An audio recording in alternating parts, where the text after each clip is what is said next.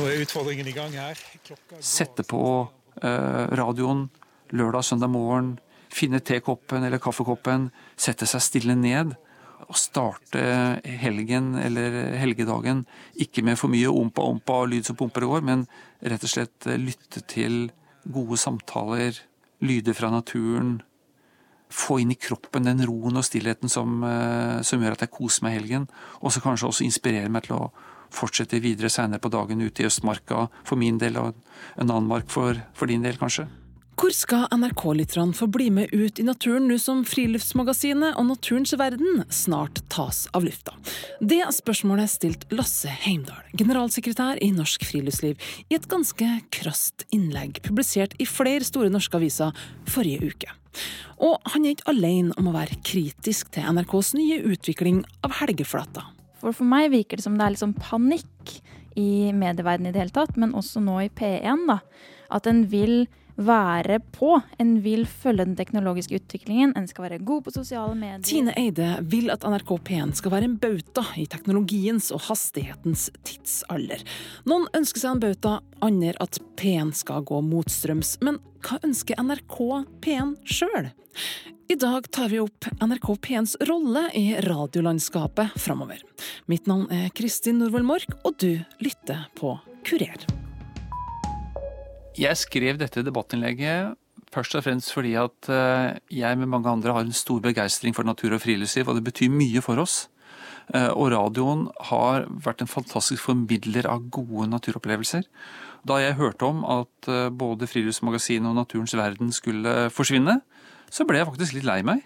Lasse Heimdal er lei seg og frustrert over at NRK P1 nå om 14 dager for siste gang sender de populære programmene Friluftsmagasinet og Naturens verden. Det er to ting som gjør meg frustrert over den omleggingen. Først så handler det om uh, behovet for å fokusere på friluftsliv i radio. Det er stor interesse for det, og det er stort behov for det. Men kanskje den andre tingen som er vel så viktig, det er hele filosofien rundt hva radio skal være, og hvilket rom NRK skal fylle.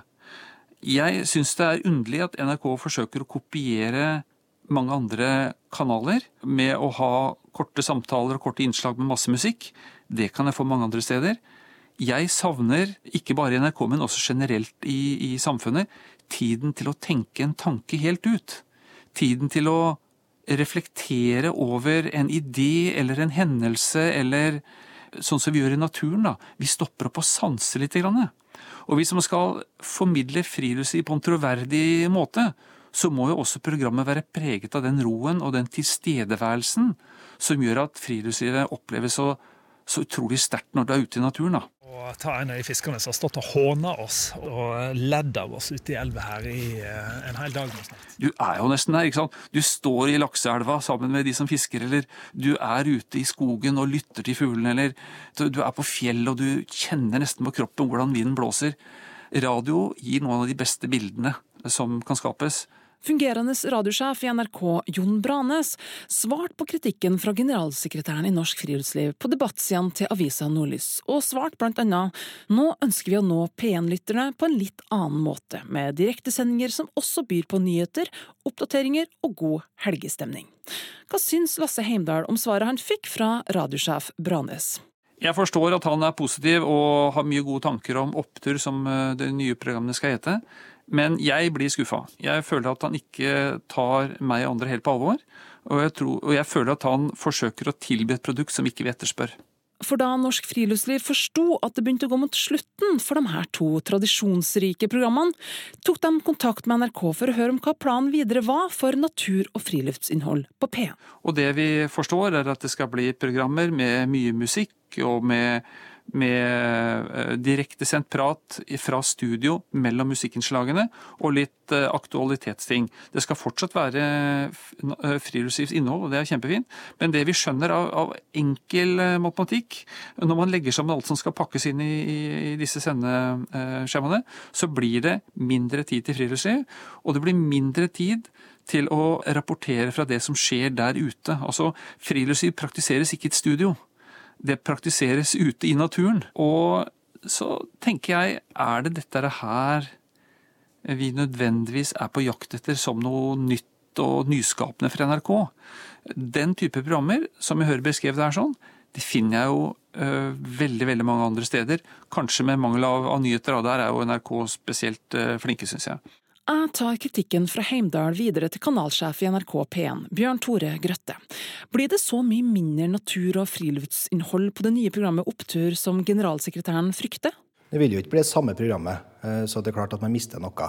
Men jeg tror også at man kan få noe når man lager ting på nytt. Også Friluftsstoffet i NRK øh, er også et stoffområde som, som, gjerne kan utvikle seg. Og en av de tingene som har vært artigst å jobbe med når det handler om utvikling av opptur, er nettopp det. En av de tingene som jeg har ønska meg, som det ser ut som vi får nå, er turinspirasjon. I Opptur så skal man bl.a. få turtips, og man skal også få, få, tips og triks for å få med seg barna ut. Så det blir en annen måte å fortelle om, om, øh, om det her stoffområdet på, som jeg tror blir kjempefint. Men det er klart at Enkelte vil miste noe, sånn er det bestandig, mens andre kanskje får noe. Så det er, det er vanskelig å si noe om det, og så er det ingen som har hørt det heller ennå. Det vil bli opplevelsesradio. Det vil også bli, bli, reportasjer, helt sikkert, men på en annen måte enn tidligere. Sånn at det er sikkert noen som ikke får akkurat det de er vant til å få. Men en av de tingene som, de tingene som vi er nødt til å gjøre, er at vi er nødt til å se på hva er det kjernemålgruppa vår ønsker av denne type stoff, og hvordan skal vi utvikle det. Og vi tror da at vi klarer å treffe flere med det viktige naturstoffet på denne måten. I en god, gammeldags skolegang har Grøtte tid til et lite intervju med Kurer, innimellom slagene som står både som familiefar og sjef for en kanal som gjør store endringer i sendeskjemaet sitt for helga. Det handler vel først og fremst om at NRK P1 også må ta helg samtidig med at vi andre som, som bor i Norge, tar helg også. Og det handler litt om å ta helgefølelsen på alvor. Men også det at vi skal i litt større grad prøve å lage radio for det som er kjernemålgruppa til NRK P1, nemlig folk flest, bruker nå jeg å si, men folk flest i 40-54-åringene. Voksne folk eh, som er blitt eh, for gammel for, eh, for P3, og, og, som er allment interessert i det som skjer rundt seg i, i samfunnet. Men, eh, men, det er liksom tanken bak. da, å Gjøre om sånn at vi er mer direkte. Mange mange flere timer direkteradio. Og at vi også er til stede eh, med innhold der vi tror, ut ifra modus, modus til folk, at vi treffer bedre. da. Men ifølge tall fra redaktør Terje Dale har Friluftsmagasinet hatt stabile lyttertall i år på rundt 315 000 lyttere. Ikke verst for et program som går på lørdagsmorgen klokka åtte. Og nettopp det frustrerte friluftsentusiast Heimdal enda mer. Det er et uttrykk som heter 'never change a winning horse'. Altså, dette er jo programmer som har hatt noen av de beste dekningstallene for NRK. Veldig gode tall, faktisk, eh, til tider. Og jeg syns det er jo litt risky at NRK eh, roter for mye med programmer som åpenbart er populære. Eh, det har jo vært eh, altså faller lyttetallene nok i forbindelse med denne DAB-omleggingen. og når man i tillegg også skal begynne å klusse for mye med programmer som har en trofast og stor lytterskare, så syns jeg NRK gambler litt med, med på en måte grunnlaget sitt. Men kanalsjef Grøtte er ikke redd for å gamble litt med lyttetall i denne sammenhengen. Han håper at det fører til gevinst. Men det er veldig fine lyttertall på, på, på, de programmene som det er på det aller, aller meste på NRK P1. For det er litt det som er med NRK P1, at det er kjempegode lyttertall på, all, på det aller, aller meste. Men vi tenker bl.a. da at en litt annen profil på dette programmet kan gjøre at man kanskje kan få en eh, litt annen lytterskare også. Vi ser det at veldig mange av programmene våre har en mye voksnere gjennomsnittslytter enn hva vi kanskje burde ha hatt, ut ifra det oppdraget vi har. Og det er kanskje flere velger å, å, få med seg det som går på P1 Pluss i stedet. For det har vært veldig gode lyttere, men det har vært veldig voksne lyttere, uten at det er gærent med det. Og det er også sånn at, at P1 Pluss også vil kunne ta en del av det her stoffområdet. Så mye vil leve videre, men det er klart at alle som mister favorittprogrammet sitt, som det her har vært for veldig veldig mange, vil bli litt skuffa. Men så håper vi da at vi kan få med oss så mange som mulig over på det nye. Og det er også sånn at, at P1 Pluss også vil kunne ta en del av det her stoffområdet. For redaksjonssjef Henning Olstad i NRK P1 Pluss kan avsløre at Tove Fuglesnes, kjent fra Naturens verden, i framtida kommer til å levere naturinnhold til P1 Pluss sine morgensendinger i programmet God helg. Heimdal er ikke alene om å være kritisk til NRKs retning. En som stiller seg bak kritikken, er Tine Eide, universitetslektor ved journalistutdannelsen ved Oslo MET. Jeg tenker at den kritikken er helt på sin plass. Fordi P1 som den store statskanalen med utrolig mange lyttere virker til å ha litt panikk, og vil da gjerne tilfredsstille en sånn lytterskare av unge folk som egentlig kanskje ikke har noe annet behov enn å bare switche mellom ulike kanaler, og vil da være en del av kanalutvalget, virker det for meg. Og da er det lett at en glemmer hva han egentlig holdt på med i utgangspunktet. Og da skjønner jeg godt at eh, Heimdal blir både sint og trist for at eh, viktige programmer for ham forsvinner, da. Mm. Heimdal trekker fram den unike posisjonen som NRK har, og skriver eh, sitat Hvorfor i all verden skal NRK radio bli lik alle andre kanaler? Hvordan skal det være mulig å fortsatt argumentere for opprettholdelse av NRK-lisensbetaling når vi kan få det samme gratis på andre frekvenser? Drar den det for langt, eller? Jeg tenker at det er helt innafor å stille det spørsmålet, for NRK er en helt særegen posisjon. Det er ikke sånn at NRK må jobbe for å få reklameinntekter som de andre kommersielle kanalene må. Og hvis NRK skal bli som alle andre, så er det jo ikke noe behov for meg om morgenen å skru på P1 og høre på P1 da, hvis jeg uansett kan høre akkurat det samme innholdet på de andre kommersielle kanalene som det er veldig mange av å velge mellom, da. For meg virker det som om en bare er så redd for å ikke være populær, at en blir den jenta i klassen som heller er med den store gjengen, enn hun som alle skjønner 20 år etterpå at var den kule når de møtes på klassefest, og, og forstår at eh, det var jo ikke sånn her det burde være. Hva tenker kanalsjef Grøtte om de her kommersie anklagene fra både Heimdal og Øyde?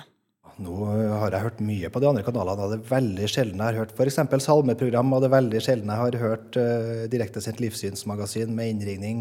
Så at uh, det er klart at uh, det er greit å komme med en sånn type kritikk når man mister favorittprogrammet sitt, det skjønner jeg er, er sårt. Men jeg mener med hånda på hjertet at det er ganske langt mellom P1 og P4 fortsatt. Og det tror jeg at vi vil vise også med denne helga her. Det er mye mer innhold.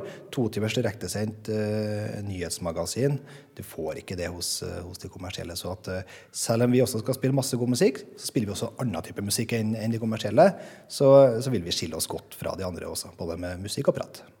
Her er NRK Dagsnytt med en ekstra nyhetssending. Mange mennesker er døde etter at en lastebil kjørte inn i en folkemengde Et av hovedargumentene til NRK for mer direkteradio i P1-helga er muligheten til å ta inn viktige nyhetssaker når de skjer.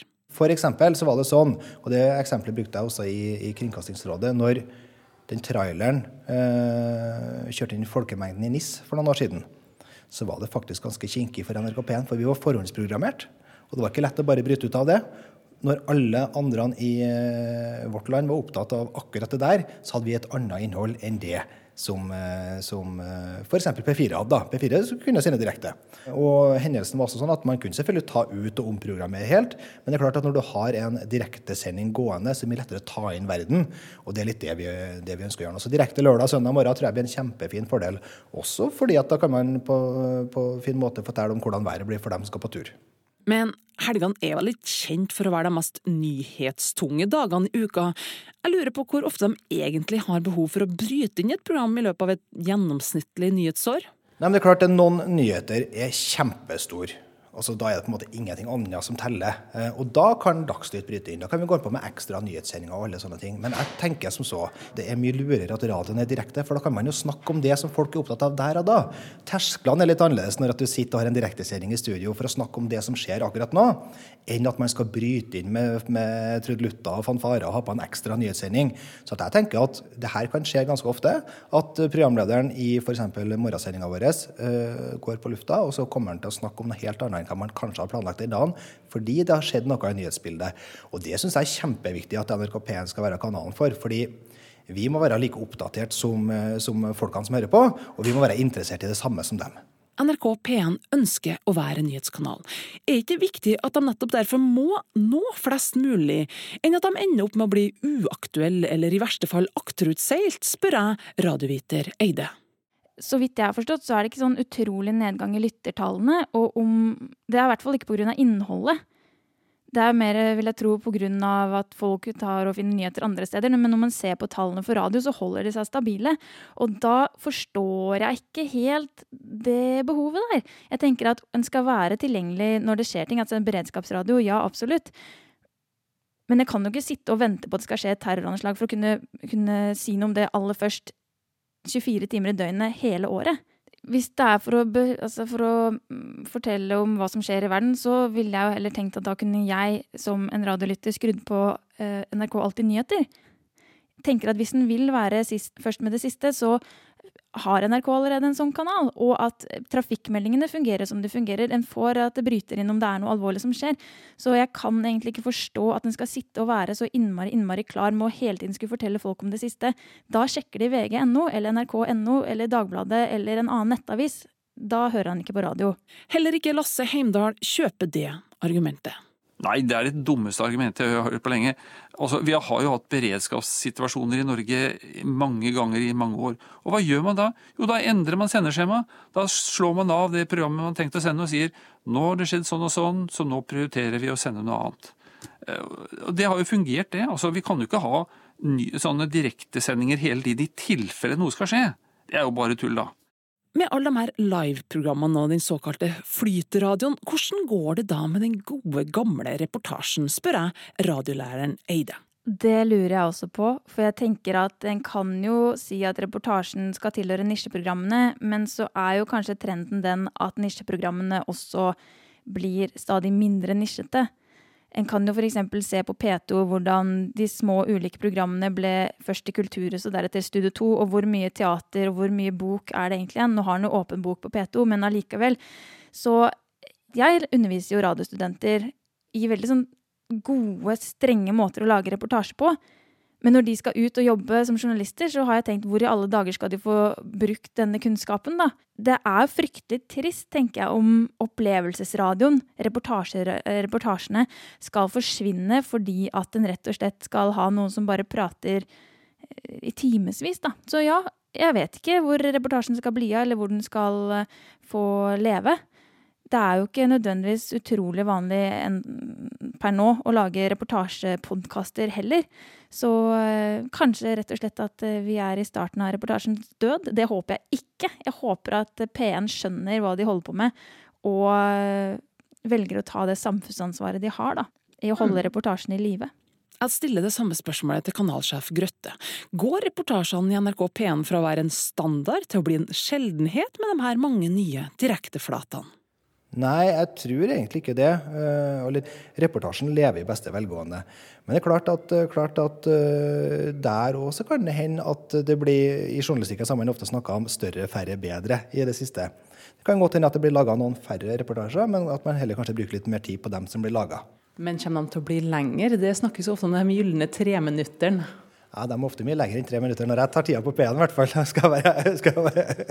Men det viktigste er jo at, er jo at uh, vi forteller på en måte som lytteren har lyst til å høre.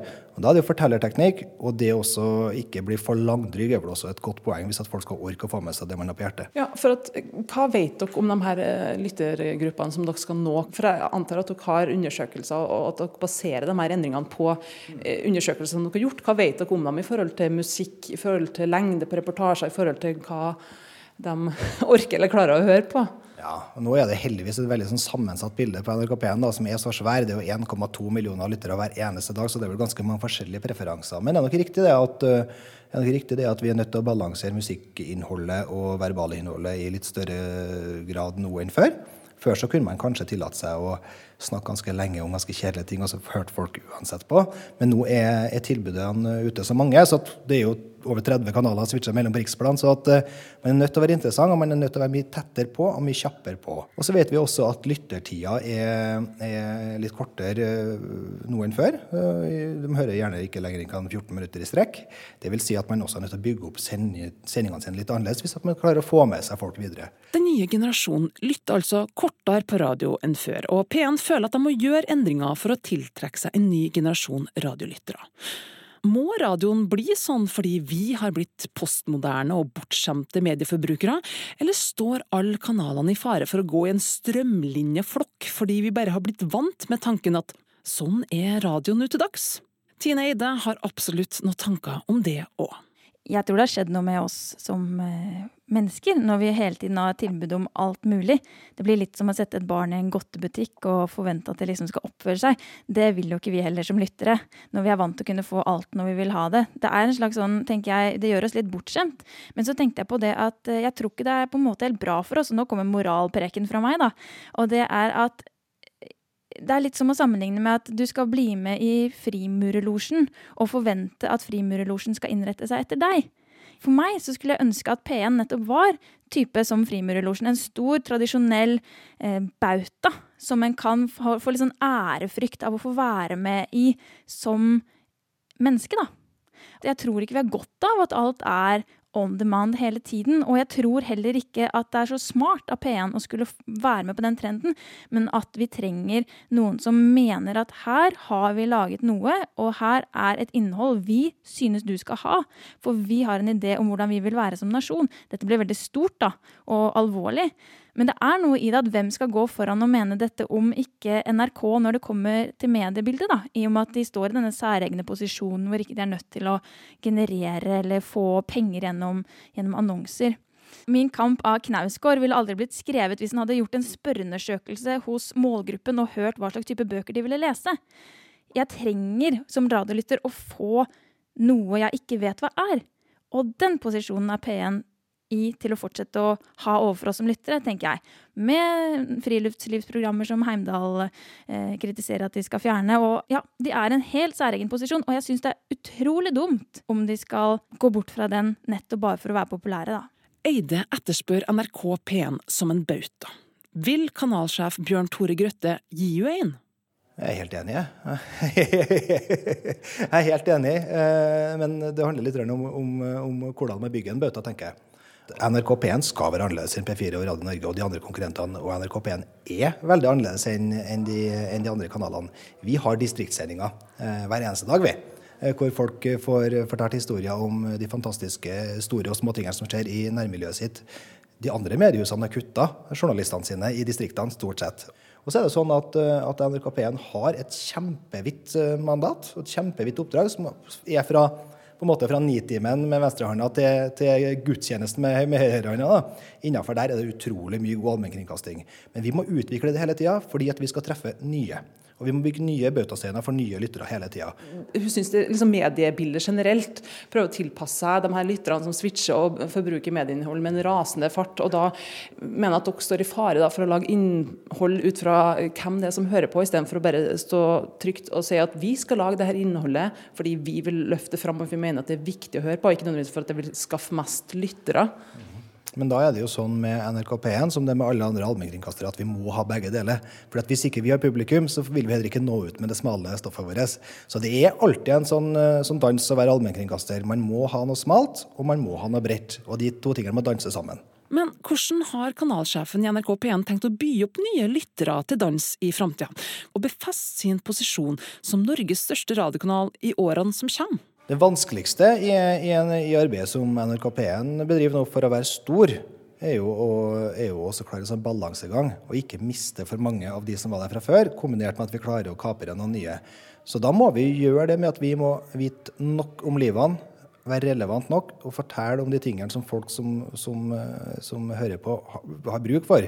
For hvis vi blir bare forgjengelig eh, babbel, så tror ikke jeg de har noe bruk for oss.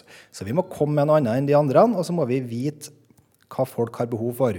Og jeg tror at folk har behov for god allmennkringkasting både i fordypningsform, men også i mer lettvint form framover. Hva med 27 år gamle Tine Eide? Hva skal til for at Eide og hennes generasjon skal bli P1-lyttere i framtida? Jeg kommer ikke til å høre på P1 for å høre noe jeg kunne hørt overalt ellers. Jeg kommer til å sette på P1 fordi jeg vet at der får jeg noe spesielt som ikke jeg kan finne ved å høre på det alene i øretelefonene mine på en podkast etterpå, eller, eller, i en annen sammenheng, da. Så for å få det fellesskapet og den følelsen av å være med på noe som er radiovakkert, da, så kommer jeg til å høre på P1. Hvis de klarer å holde den posisjonen. Men jeg kommer ikke til å høre på P1 hvis det skal bli masse flytradio og tre minutters låter og tre minutters prat. Det blir for grunt for meg. 3. november er det duka for premiere på det direktesendte Opptur. Kjem Lasse Heimdal til å gi det nye programmet en sjanse? Jeg skal glede meg over alt som er eh, bra. Det skal jeg love deg å gjøre.